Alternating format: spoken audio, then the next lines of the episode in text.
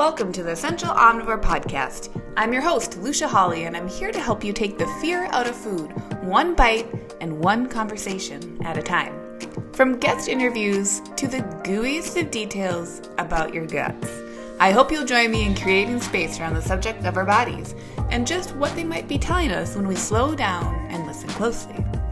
Remember that the information provided within this podcast is for general information and educational purposes only and does not provide medical advice, professional diagnosis, opinion, treatment, or services to you or any other individual. Hello, hello, and welcome to the Essential Omnivore podcast. Today I have Susie Bauer with me on the show, and Susie is a fellow nutritional therapy practitioner, otherwise known as an NTP. And Susie specializes in autoimmunity and working with people who have chronic health issues. And I wanted to get Susie on the show because she and I have a similar belief when it comes to navigating autoimmune wellness in a world that is rather full of diet culture. How do you do that? How do you manage perhaps eating a diet that people would label as restrictive when it comes to diet culture that other people are saying is the mecca of health for you and your autoimmune condition. So Susie believes that there's no one size fits all approach to healing, and she strives to help her clients find their own path with gentle nutrition, connecting with their body, and managing life's stressors. So tune into today's episode. We had such an amazing chat. And if you are someone, and I'm raising my hand because I've been there, I feel you if you're someone who has an autoimmune condition and as well, you're trying to figure out how do I navigate autoimmunity while also not feeling restricted in my eating choices, today's episode is for you. All right, Susie, I'm just so excited to have you on the show today. And would you mind letting people know who you are and where you're located? Because I'd like people to know a little bit more about you and then I want to jump into your story.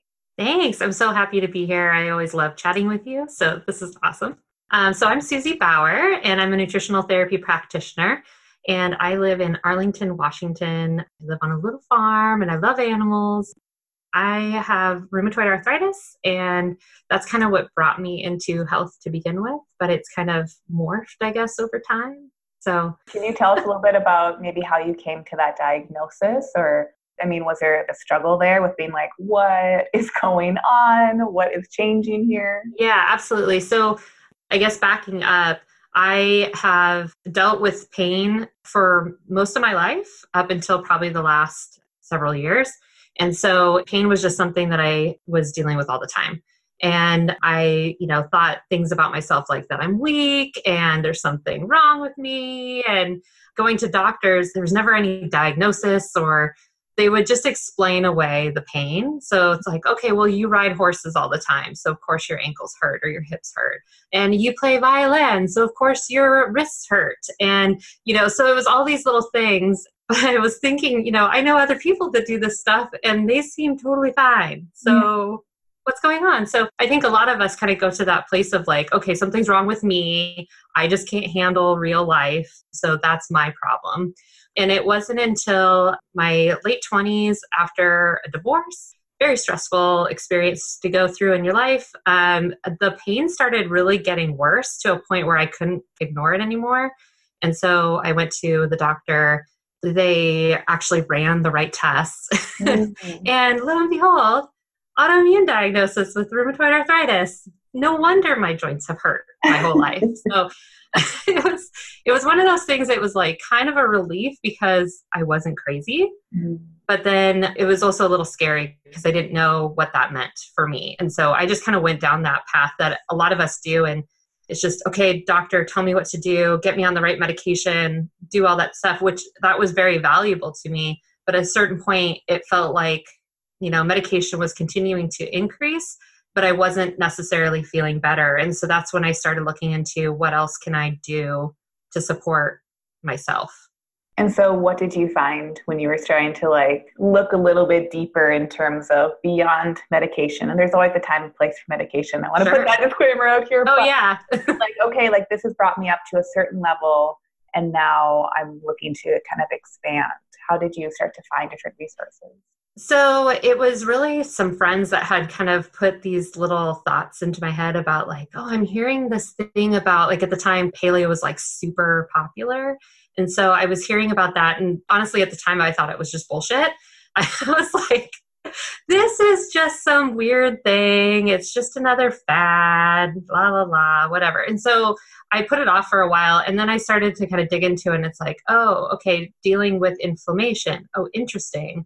Like, and then understanding that the joint pain I was experiencing wasn't just targeted at my joints, like it was stemming from something else. It was stemming from this underlying inflammation. And so if I could do things, you know, eat different foods, change some things about what I was doing in my life to manage my stress and all of that, perhaps I could start feeling better. So that's kind of where it all started. And then it kind of snowballed into like, holy shit, I want to do this forever to help people because, oh my gosh, I feel so much better. so there was a pretty stark difference then once you started to incorporate some of these yeah. different principles. And it really sounds like what it was coming back to for you was, ooh, inflammation. And like, ooh, yeah. what I'm doing with my day to day, whether it's food or stress management, actually totally does like turn the dial in terms of how much that inflammation is presenting. Yeah. And I think that it, really opened my eyes to the fact that I can do so much more for myself that I don't have to just rely on somebody else to like fix me. Mm. That there is stuff that I can do for myself to help me feel better and not in like, you know, this stranglehold situation, but like, okay, what are some ways that I can kind of improve this without uh, making things a lot more difficult for myself? It sounds like it was empowering, really. Yeah, I don't think I ever thought before that that food was anything more than a way to change how my body looked. Mm. Food was always geared around like eating too much of it, like, quote, too much is going to make your body bigger. And society has told us that that's bad. So it was like I was doing all the low fat and low carb, but then like whole grains. And that like, it was just like you know, whatever somebody, again, this outside source was telling me was the right thing to eat, I was just focused on controlling my body size and not putting the pieces together that food could actually be really healing and nourishing for mm-hmm. my body in a different way than how I had ever thought about food before. And then it sounds like you really then put that into practice. Yeah.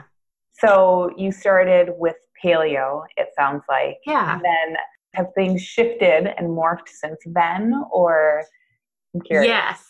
Yeah. So even early on, I knew that I was just tired of dieting. So I was tired of following rules and then feeling like I failed and either do nothing or move on to the next diet. So I didn't want to do that anymore. And, you know, some of the foods that this paleo template was talking about removing, I was like, um, but I love those things like bread and beer and cheese and you know so all these things it was really difficult for me and so I kind of knew instinctively at the beginning that I don't think I can do this hardcore from the beginning. Like I mm-hmm. think I'm going to have to take some baby steps here to like just kind of get my feet wet, see how it goes. And I totally retested things all the time because, you know, that's just life. That's how it works. So you know, I had to remind myself several times that there are certain foods that would bring on joint pain for me. And I think I needed that reminder for a while until it got to the point where it's like, okay, I don't need the reminder anymore. Like, I don't feel great. So maybe I just avoid that food. But yeah, it has totally shifted over time. Like, I started that way and then it got a little bit more rigid as the voices, you know, on social media and everything, the people that I was following were fairly rigid in the way that they were following it. And so mm-hmm. I kind of was taking that on like I needed to also be that way. And so it ended up snowballing on me just a little bit for a while, where it took some unlearning to then go back to that place of like, find what works well for me. I don't need to follow a set of rules. There's not one perfect way to do things. And like finding more peace again with my food. Mm. Well, I think it's so profound what you brought up too, like your example of, okay, like I'll be mostly paleo, but there's X, Y, or Z that like I'm going to be eating, whether it's paleo or not. and noticing like okay this food's coming in and after a certain amount of time or dose with the food if you will that that food was actually maybe a biggie for you right in terms of that yeah. autoimmune expression that it was saying like okay let's i'm just going to use chocolate i don't know if it was there or not but like okay if i have like x amount of chocolate then i really notice these signs and symptoms of rheumatoid arthritis that I maybe don't want to be experiencing. I think that what you touched on there is so important when it comes to autoimmunity. Like having that just, it's almost like noticing like the facts of your body and what the fact is saying, like, hey, X, Y, and Z symptom right now, those aren't necessarily good or bad, right? Just like the food, the chocolate, as an mm-hmm. example, isn't necessarily good or bad, but that combination and the information that is then coming from that that's the key, right? To say, like, oh, and now that I know this, here's the direction I want to go. Yeah, for sure. I think that that piece that sometimes we miss when we are just following a set of rules is that we're not then taking the time to listen to how our body is responding to those foods. So, you know, we could be cutting things out way more than really what we need to. And, you know, so the foods that you're eating having that be just smaller and smaller and smaller when it really you don't need to go to such a restrictive place that i think in the long run is going to be detrimental to just overly restrict and then be stressed out about all of it and so if you can just like for me at least and for a lot of other folks that i've talked to too is this like stepping in and noticing and shifting has been really helpful yeah. and has been more sustainable than just go on hardcore. Well, I love hearing that too because often I feel like, and maybe you notice this too, right? Is that you can get a diagnosis, and especially I feel like a lot of maybe type A people listen to this podcast. I feel like I'm type A, and it's like, ooh, I have this information. Now I want to fix it, right? Like I'll do yeah. this thing and I'll do it really, really well. And there can be a certain amount of like, what's happening here if you're doing a protocol, like a very specific protocol really perfectly and then you're grappling with but it isn't quote unquote fixing it like what's wrong with me so was there part of that in terms of the process because i hear you saying kind of like gentle and shift and really kind of like stepping in but also that there was a point for you where you're like um, the information i'm hearing from other people is to get really really strict so how did you start to almost like unravel where you could start to have more play with food or where foods could come back on your plate? Yeah, that was really tough to go through because of all the kind of strict protocols, especially you know dealing with autoimmunity. Like AIP in our community is like the thing to yeah. do for autoimmunity, and so for a long time I felt like I must not have been as sick because I didn't have to go that strict mm. to find healing.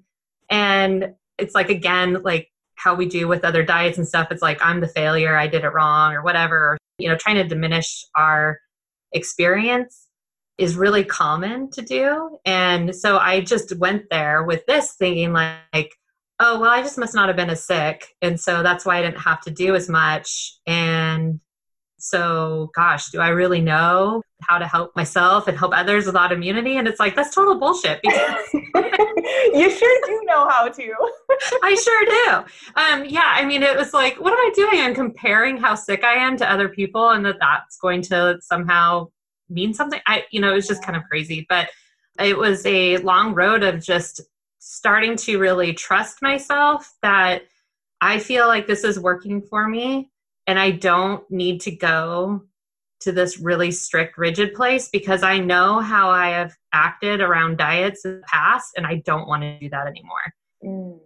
So even though the focus of the diet, you know, the quote diet is totally different, I wasn't, my interest was not in shrinking my body, it was in healing. It's still a diet, it's still a restrictive diet. And so our brains just kind of go to that place. So I just knew that I needed to do something slower and you know it was really uncomfortable because i'm seeing all those voices around us that are saying you got to do this really really hardcore but i didn't need to yeah well and i think there is like fuel to the fire too with and i think there's a place for aip or for some of the strict diets but it can add that fuel to the fire when you're like man if i don't do this perfectly, then I won't be healing as much as I'm being told, again, from society, whether that's a smaller community or not, that I'm not healing as much as I could. I think there can be so much guilt and pressure. Just like you're saying, even with like a real food style of eating, which AIP and paleo, that's what they're really based in. But then feeling the pressure of like, if I'm not doing it right, then here I am just messing myself up even more. Yeah, I think it was just diminishing all the good that I had done for myself. I mean, I can't deny that my blood work was showing I was in remission. Yeah. So, like like what? Like a time to celebrate. Yeah, yeah. And so while it was a really exciting time, it was like, well, but I didn't have to do this super rigid thing. So did it really happen? yeah. Like can I really trust that what I yeah. did was appropriate and right for me. Yeah, yeah. So it took a long time to really own that that is real. And, you know, I keep seeing it time and time again with people that I work with too is that perhaps we don't all have to go super hardcore. Maybe there's a gray area. How do people react when you say that or kind of show support for that, like dabbling in the gray area? What is that like for clients initially? Yeah, so it really depends on the client. Sometimes it's terrifying because they want to get in there and do all the hard things. And then for a lot of other ones, it's really refreshing. And it's like, ah, okay, I can do this.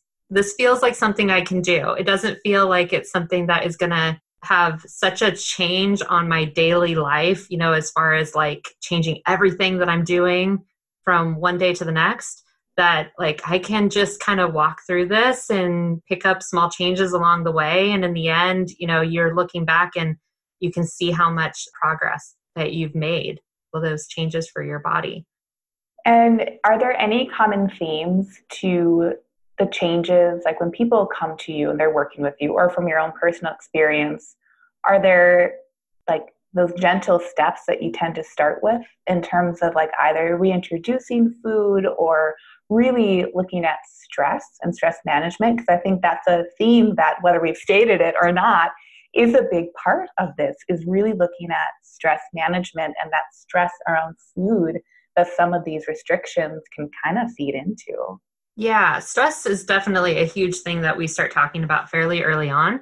You know, it's just depending on their personality, you know, I can start hearing things that are coming through and how they're talking about their day. And so it can become really clear early on if that's going to be a big component. But it's also about like, okay, instead of talking about we're going to take away all this stuff that you've been eating, is like, what can we add? What are some good nutrient dense things that we can add and the rest of the stuff's going to like kind of fall into place. And you know we can keep making changes and perhaps we explore the idea of eliminating a certain food for a while just to see how things go. Um, but starting with adding i think has been the most impactful place to start for for people when it comes to the food side of things. Mm. um, so just you know what's going on with their digestion what are they currently eating? So i can see what you know maybe there's some holes in there some nutrient dense holes that you know need to be filled and talk about that first. So i just find that that helps them start getting that energy and feeling better so that the rest of the stuff is a little easier to take mm-hmm. on. It really i feel like the emotion of that too it switches it from a place of like take away take away take away like what happens if you keep taking away? Like you're going to go down to one food and then you're healthy. I think it really kind of switches the narrative to say like, with you, person, client, whoever it is, can we be abundant with our thinking? Can we be abundant with whatever diagnosis or disease or you know issue that we're dealing with? It's almost like finding like a silver lining. Would you say that that's kind of part of it too? Is like I know a lot of people will talk about appreciation or like gratitude for what their autoimmunity has shown them. Do you feel like that comes up as well? Yeah, because I feel like this is the beginning for a lot of people to start actually tuning into what's going on with their body, having a better relationship with their body so that they can understand what's being communicated. Because I think for a lot of us, we've just shut it off for so long. I can speak from experience with my chronic pain is that I just had to learn how to turn it off because I had to get through my day. So mm-hmm. if I was dealing with like really paying close attention to that pain every day, I wouldn't get anything done. And so you just learn to turn off some of these symptoms, um, not listening to them anymore. And this starts opening that door, opening that line of communication again with their body. They can start seeing how the things that they do or not do can impact how their body's feeling and not in a judgmental way but like okay so what are you trying to tell me? Let me see if i can give you what you need and find out if that's the thing you know? So i think it's one of those things that people don't you know coming into it they may not realize that that's going to be a piece of it but they're like have this better line of communication with their body. So they understand what's going on like it's not looking again to an outside source to tell me what's wrong with my body. Yeah. Tell me what's wrong. Like you can understand, like, this is what my body's asking for. This is okay, great. I know what to do. I think that even dovetails into like some of the diet culture stuff, right? Like trusting, yeah. Ooh, my appetite is saying I maybe need to eat more, or like I think I want that snack that I'm told I shouldn't have, or insert anything that we then start to associate with guilt and shame. Do you find that to be the case too? Yeah, it's very rare that somebody that I work with that has an autoimmune disease has never dieted for weight loss. It's ingrained in us so deeply uh, that there's a lot of unlearning to do. And so it's kind of what I went through too is okay, now my focus is on quote health but i'm going to approach it the same way that i've done every other diet in the mm-hmm. past. And so i see that a lot is that while the focus you know in their minds the focus has changed to something different they're still approaching it like they would a diet for weight loss. And you know seeing the issues that come up with that and um, putting the shame and guilt on when oh gosh i had crackers like okay Were they good? Yeah. Like, did they taste good? Great. Okay, let's move on. so, right. So I, I see a lot of parallels there. And so there's lots of conversations around that that end up happening that I don't think I ever expected to happen, but it's been a really wonderful thing is that we can also dismantle some of this diet culture stuff while we are working on healing our bodies, you know, this inflammation that's happening. How powerful is that? By the it's by. So cool. it's so cool. It's no big deal. Just dismantling diet culture and like, yeah, whatever. Health, no biggie. yeah. I think that's so powerful. And even with my own personal experience, like once you start to dig into this stuff and you're making space to be thinking about diet culture or like how and why you're approaching food in the way you are, it can't help but then like rub off on different areas of your life too. Have you found that to be true? Yeah, I think it's really interesting in just how I approach certain things in my life. In the past, I was definitely somebody that would say yes to a lot of things and like I could always do more. I can mm-hmm. always do more for everyone. And it was very hard for me to say no. But I think going through this experience with my own health and having to set those boundaries like that was just not something that i really was good at at all. But it has yeah it's rubbed off in that not only am i setting boundaries around maybe some of the foods because i kind of know what feels good for me what doesn't and those can even be flexible is setting some boundaries then with people in my life or situations in my life of just knowing that this isn't maybe something that's going to be in my best interest to take on even if i like feel strongly that i want to help and all these things is i also need to i think look out for myself a little bit more than i was doing in the past. So i think going through this whole journey has just kind of shown me that like i matter and that you know i am a priority and taking care of myself is not selfish. Mm. and that it also is you know teaching others around me that it's okay to set these boundaries yeah, it's really stepping into a place of leadership and saying the ways in which I'm now leading my life or like the ways I'm prioritizing myself. By doing that for myself, it's probably creating a ripple effect. And whether people know it or not, right, whether it's intentional or not, it's offering permission to other people to do the same if they so choose. For sure. Yeah. So when you're working with clients, is there anything else that you notice initially in that process of like, again, it's no small thing, right? Just dismantling all the diet culture.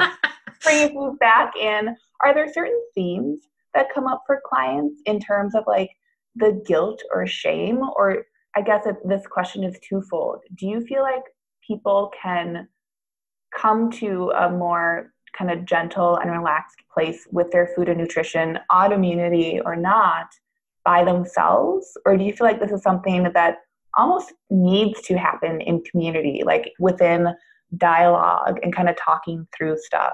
Do you feel like that's a big part of it too, is like having that community support? Yeah, so I think community is a really important part because, you know, if we just try to go at this alone, we're going to feel that guilt and shame pile on us a whole lot easier than if we have people to talk to that are maybe going through something uh, similar or have gone through something to kind of help you reality check a little bit on things. So, just having people that have similar views or trying to do similar things can be really helpful in that. It is really hard, I think, to do it alone. So, you know, finding whatever that community is can be really supportive and it doesn't necessarily have to be a practitioner involved there, but it's just really, you know, what can you do where you're at, you know, to help give yourself some support. Mm-hmm. So it mm-hmm. can be really hard to be making all these changes when the people around you don't really understand why you're doing it. You know, they're living that diet culture life that the majority is. And they're like, why are you doing I don't understand what that is. And, you know, you can't have these real conversations then with them about how you're feeling and experiencing because i think the majority would be saying things like you know oh just try harder or you know, that kind of stuff you know? It's like you're just not doing it hard enough and all of that. So yeah so i think community is really helpful um, having a good support system in place. And one of the things that i notice a lot in the beginning with clients is that a very valuable tool, which can also be very triggering, is the food journal. Oh, yeah. Tell us about that. Yeah. So, you know, with each person, it's always different. But, you know, I've come to a place in my practice that that is less and less of an important tool as time goes on. And it really depends on that person. So, if it's something that is really triggering and it's coming back to calorie restriction, food restriction, and that's their mentality going into the food journal, that's not going to be a helpful tool for them. And what I look at a food journal as, but I totally get this, totally get where they're coming from. But what I'm looking at the food journal as is like just information. It's just pure information about what's coming in and how are we feeling. Yeah. I don't need to know how much. I don't need to know all of that stuff. You don't need to count anything. Just tell me what is coming in and how you're feeling. And from there, we can see, like, oh, it looks like you feel really great when you eat potatoes. Awesome. Yeah. Amazing. That's so great. Cool. Let's make sure that we do that. And then, like, oh, maybe, like, oh, that's really weird. You start feeling awful after you have broccoli. Hmm. Okay. That's something to think about there. So it's not this place to show like how good and hardcore you're doing something. It's just information. It's all it is, is just to find that correlation between what's coming in and what how do you feel? Yeah. I think that's amazing. That's something that is similar in my practice with one-on-one clients. Initially, it was like we got to do the food journals again, not from the place of shame, but like we got to start with information here and yeah. really over time, it's morphed for more clients than not, where it's like initially we are doing the food journals. And now at this point, after we had that exploration, if it is triggering, okay, then we simply had that like repetition of saying, you presented yourself with an option and that was good and fine. And now moving forward, same thing, we had that information. And the days where you drank an extra glass of water in the morning. Maybe those days were different than the days where it was two cups of coffee. And one day versus the other doesn't have to be bad, right? It's like coming back yeah. to less of the labeling and more of like we're putting on the detective cap. We've got like our magnifying glass and we're just noticing. We're noticing data yes. and we're being data collectors. Yeah, there's no shame, there's no judgment here. And the food police is not invited this They're conversation. you. like you don't have to just show me the perfect days. And I think that was what was happening for a lot of people is that if it's been a tool that is triggering for them is that they don't want to share it unless they think they're doing it quote right mm. and so you know that's where the conversation changes about this food journal and maybe the food journal takes a back seat for a while and we just talk about you know things that we can add in and we just do it at a pace that works for them and if the food journal is not going to be a valuable tool for them then we don't need it so you know I, I still like to use it at the very beginning just to kind of see where our starting point is but more often than not it just goes away after a while and it's really just letting those clients tune into how they're feeling and they can kind of regulate and they ask the questions. And so it might be a tool that comes back periodically when certain things are going on, but it's so common though to, you know, tracking food. That's like what you do in a diet. Yeah. So I totally us, get it. Tell us then a little bit about diet culture. I mean, we talk about it here on the show, but I always like to hear other people's opinions or like are there any like general themes that you see with diet culture? So you kind of touched on one with restriction, right? And being like yeah. tracking restriction coming from a place of like take away, whether it's sure. calories or foods, like take stuff away. And if you have more, then you're bad or you're greedy or like anything yes. else that comes up or like messages that you see that maybe people don't even realize are diet yeah. So one of the things that I I see very often, and it's I'm becoming even more and more aware of it in kind of the weirdest places, is how much we talk about body size. And you know, there's this idea that a smaller body equals a healthier body. And that's just simply, we know that's not the case. We know that the research doesn't support that.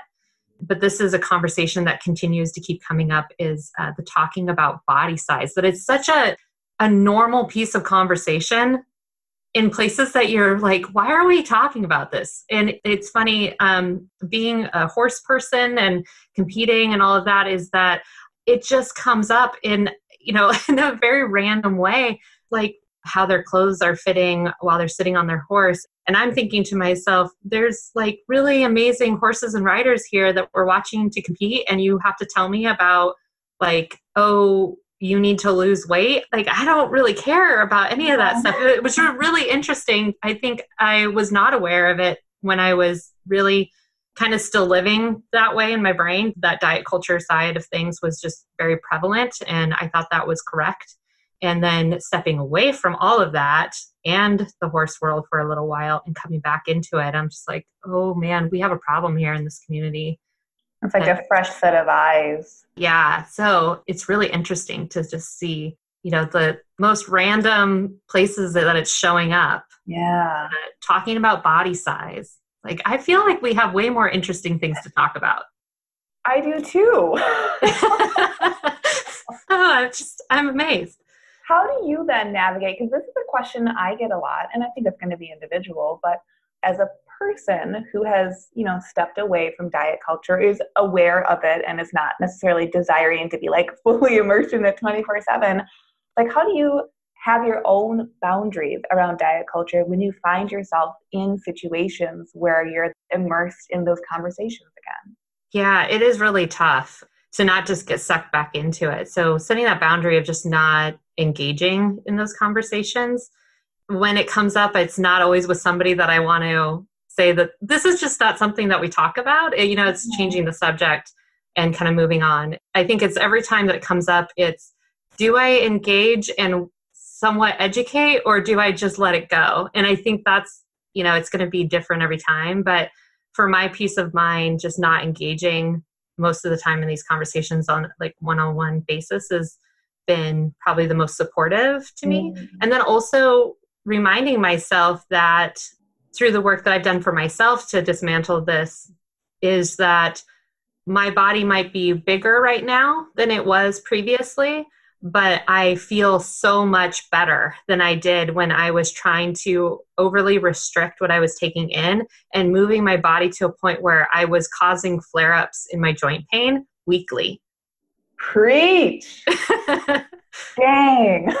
but yeah. it really comes back to I mean, what it sounds like from here is that it's coming back to you having to like take a second, take a breather, and say, my definitions of health are different. My definition of health is not working myself out to the bone and then having to grapple with days of pain afterwards versus like this is how I want my body to look and when it looks this way then that is healthy even if there's like this internal breakdown that might be occurring.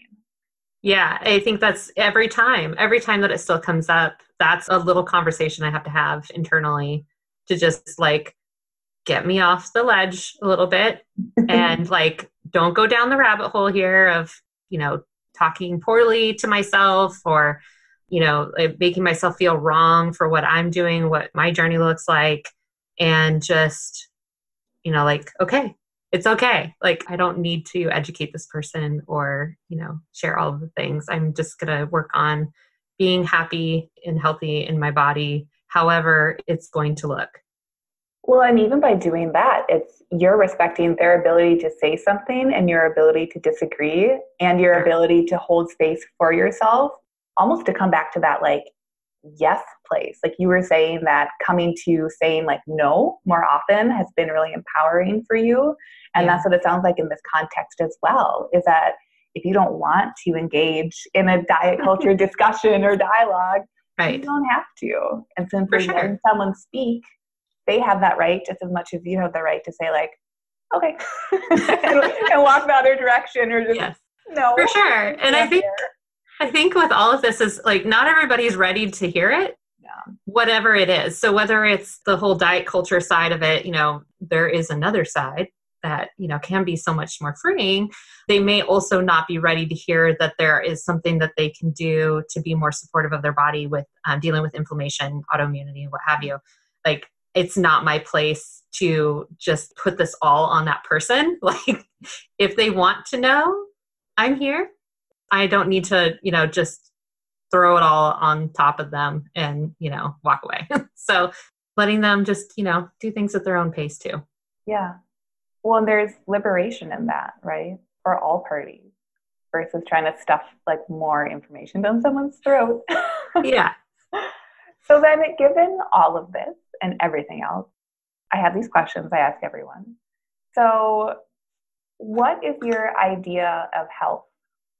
So, for me, I think it's really just finding that peace with your body, however that looks. You know, being able to do things that you love to do that you know maybe perhaps it wasn't something that you were able to do for a while because of things going on with your body just like being able to get back to the things that you love and whatever that peace looks like for you, whether it's like mental peace or switching and you know eating some more nutrient dense foods or maybe not panicking if you have ice cream for instance mm-hmm. it's like coming back to that feeling and trusting mm-hmm. you can be with that feeling of peace whatever it means for you because i'm a, it's got to change right person for to sure. person just like everything yeah. else is also individual that trust component i think can be a big part of autoimmunity as well where it's like hey i didn't ask for this autoimmune condition. I'm like no thank you. You can take it back whoever gave it to me. But then, right right. Because when people start talking about autoimmunity in the beginning it's a common thing that that folks will say are things like your body's attacking itself. Yeah.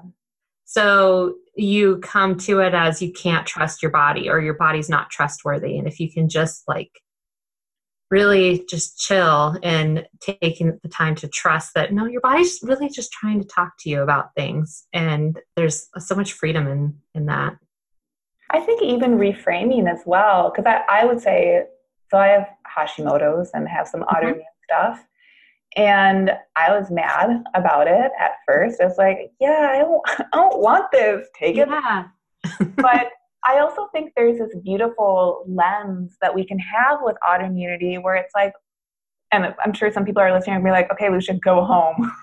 go home, you're drunk. But being like, what a gift. What a gift that we got X, Y, or Z that has actually asked of us to investigate how to trust ourselves more or how to set our own boundaries or how to show up to the foods or make room for foods or movement or whatever practices in our lives that help us feel like more of ourselves. Yeah. Yeah, I think in the beginning it's so hard to think of your autoimmune diagnosis as a gift. Yeah. it's you. Like, yeah, really. Um, but it, it really is. I think that it just can open up so much for you to just find a different way to be addressing life. yeah. So then, given that, what is your idea of happiness?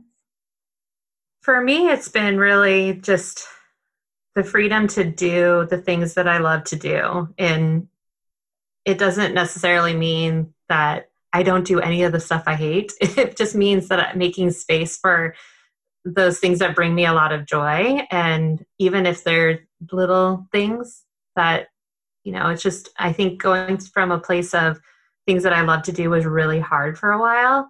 And being able to have them back in my life has been something that has brought me a lot of happiness. And so I see that a lot with clients too. It's just, what are things that you can do each day that you enjoy doing and um, not just focused on the rigidity of the things that you have to do but like where can you interject some of those things that are are fun yeah, give you that that freedom that's not just about the checklist or to-do list mm-hmm, for sure even if you like checking out. I love to, I'm a checker. I love, oh yeah, for sure. I love checking stuff off. I'll yeah. write things down that I already did just so that I can check them off. I mean, me too. And that's the best. So like, good. yeah, that wasn't even on the list, but now it's there and it's magically done. Yes, for sure. um, so, what is your favorite word? Um, lately, I think my favorite word has been breathe. Mm. And you know, we go through seasons where things are a little bit more intense and sometimes we forget to just take a big deep breath and it just brings so much more ease and peace to whatever you're handling. And it's funny, I'll take these deep breaths every once in a while and my husband will look at me like, is there something wrong? Like like, no, I just kind of forgot to really breathe for a while. Um, and it's you know something with clients too is that they just feel like okay i can breathe. Like this isn't as scary as i thought this was. And i can just take a moment and just like okay i can do this. I can breathe. Can really exhale into the moment. Yeah for sure. I think i feel that with sighing, like the yes. big exhale from a breath, right? Yes, yes. My partner has looked at me and been like, "What's wrong? Like, yeah, are you sad?" I'm like, "No, that was such a good like release of just sure. breathing at the end of the day, just actually letting it all out." Yes. you can relate to this. The heavy breath. oh man, heavy breath all the way. Oh yeah, it's good. I feel like dogs and animals. Speaking of to someone who also loves animals, I think they're really good at that too. Like when my dog, when she like curls up into her doggy bed at the end of the day and she like plops down, she lets out the biggest sigh. And it just, she's a good teacher. Animals are such great teachers. They really are. They are amazing. I want you to tell us a little bit too about your course that you have that really speaks to a lot of your own personal experiences with navigating autoimmunity and really what you're teaching people in that class. So, can you tell us a little bit about it? Yeah, so I have a course called Gentle Beginnings, and it's a four week course. And it's really for folks that are either newly diagnosed with an autoimmune disease or are ready to try something different in their approach to managing their autoimmunity. So it's also a really great place for people that just are dealing with some chronic inflammation. Maybe they don't have that diagnosis right there, but they know like something's not up and I don't really know where to start. So it's a place to kind of walk them through the starting point of addressing how they could change or manage what's going on with their body in a holistic way. So uh, we talk a lot about listening to your body, connecting with it. So, with part of that is like understanding kind of how your body works so that they can see then how the things that they do in their life, how that affects what's going on internally. We also talk about gentle nutrition. Mm-hmm. I like that just very gentle approach, nothing super hardcore and rigid. There's not this like here are the foods you're going to eat for the next 30 days. And while that can be helpful in some ways, I think there are folks that that's really overwhelming. So, talking to them about how they can take this more gentle approach to changing the foods that they're eating and what they can add versus just taking things away. Mm. And then, like the other stuff, so like stress management is such a huge piece of this. Uh, you could be eating quote like all the right things but if you are just like totally wired and not sleeping well and you're just not handling stress well you're not able to set boundaries like it doesn't matter what you eat. So uh, looking at that piece too is also really valuable. Yeah if you have the perfect plate but you hate every bite yeah. it's hard to believe that that's true health right there. Right. Or like, that that's food should be enjoyed food should be enjoyed. And I also think, you know, what you're doing is just so wonderful because it's setting people up for a lifestyle. And I feel like that term can be kind of unsexy, right? Versus like a diet, whether it's a healing diet or a diet to lose weight or a combination of those. That Yeah. is like, okay, do this for a certain amount of time to get you to the goal versus kind of switching the narrative and saying, well, maybe the goal could be showing up to your life in a way that is overall fairly enjoyable. for sure yeah So, Yeah. where can people find you online? I'm going to have all your stuff in the show notes, but just let us know here too. Sure. So um, my website is thetastyremedy.com and I share recipes there and some kind of nutrition, lifestyle, educational stuff as well. And then I hang out a lot on Instagram. Um, you'll definitely see my animals in the stories.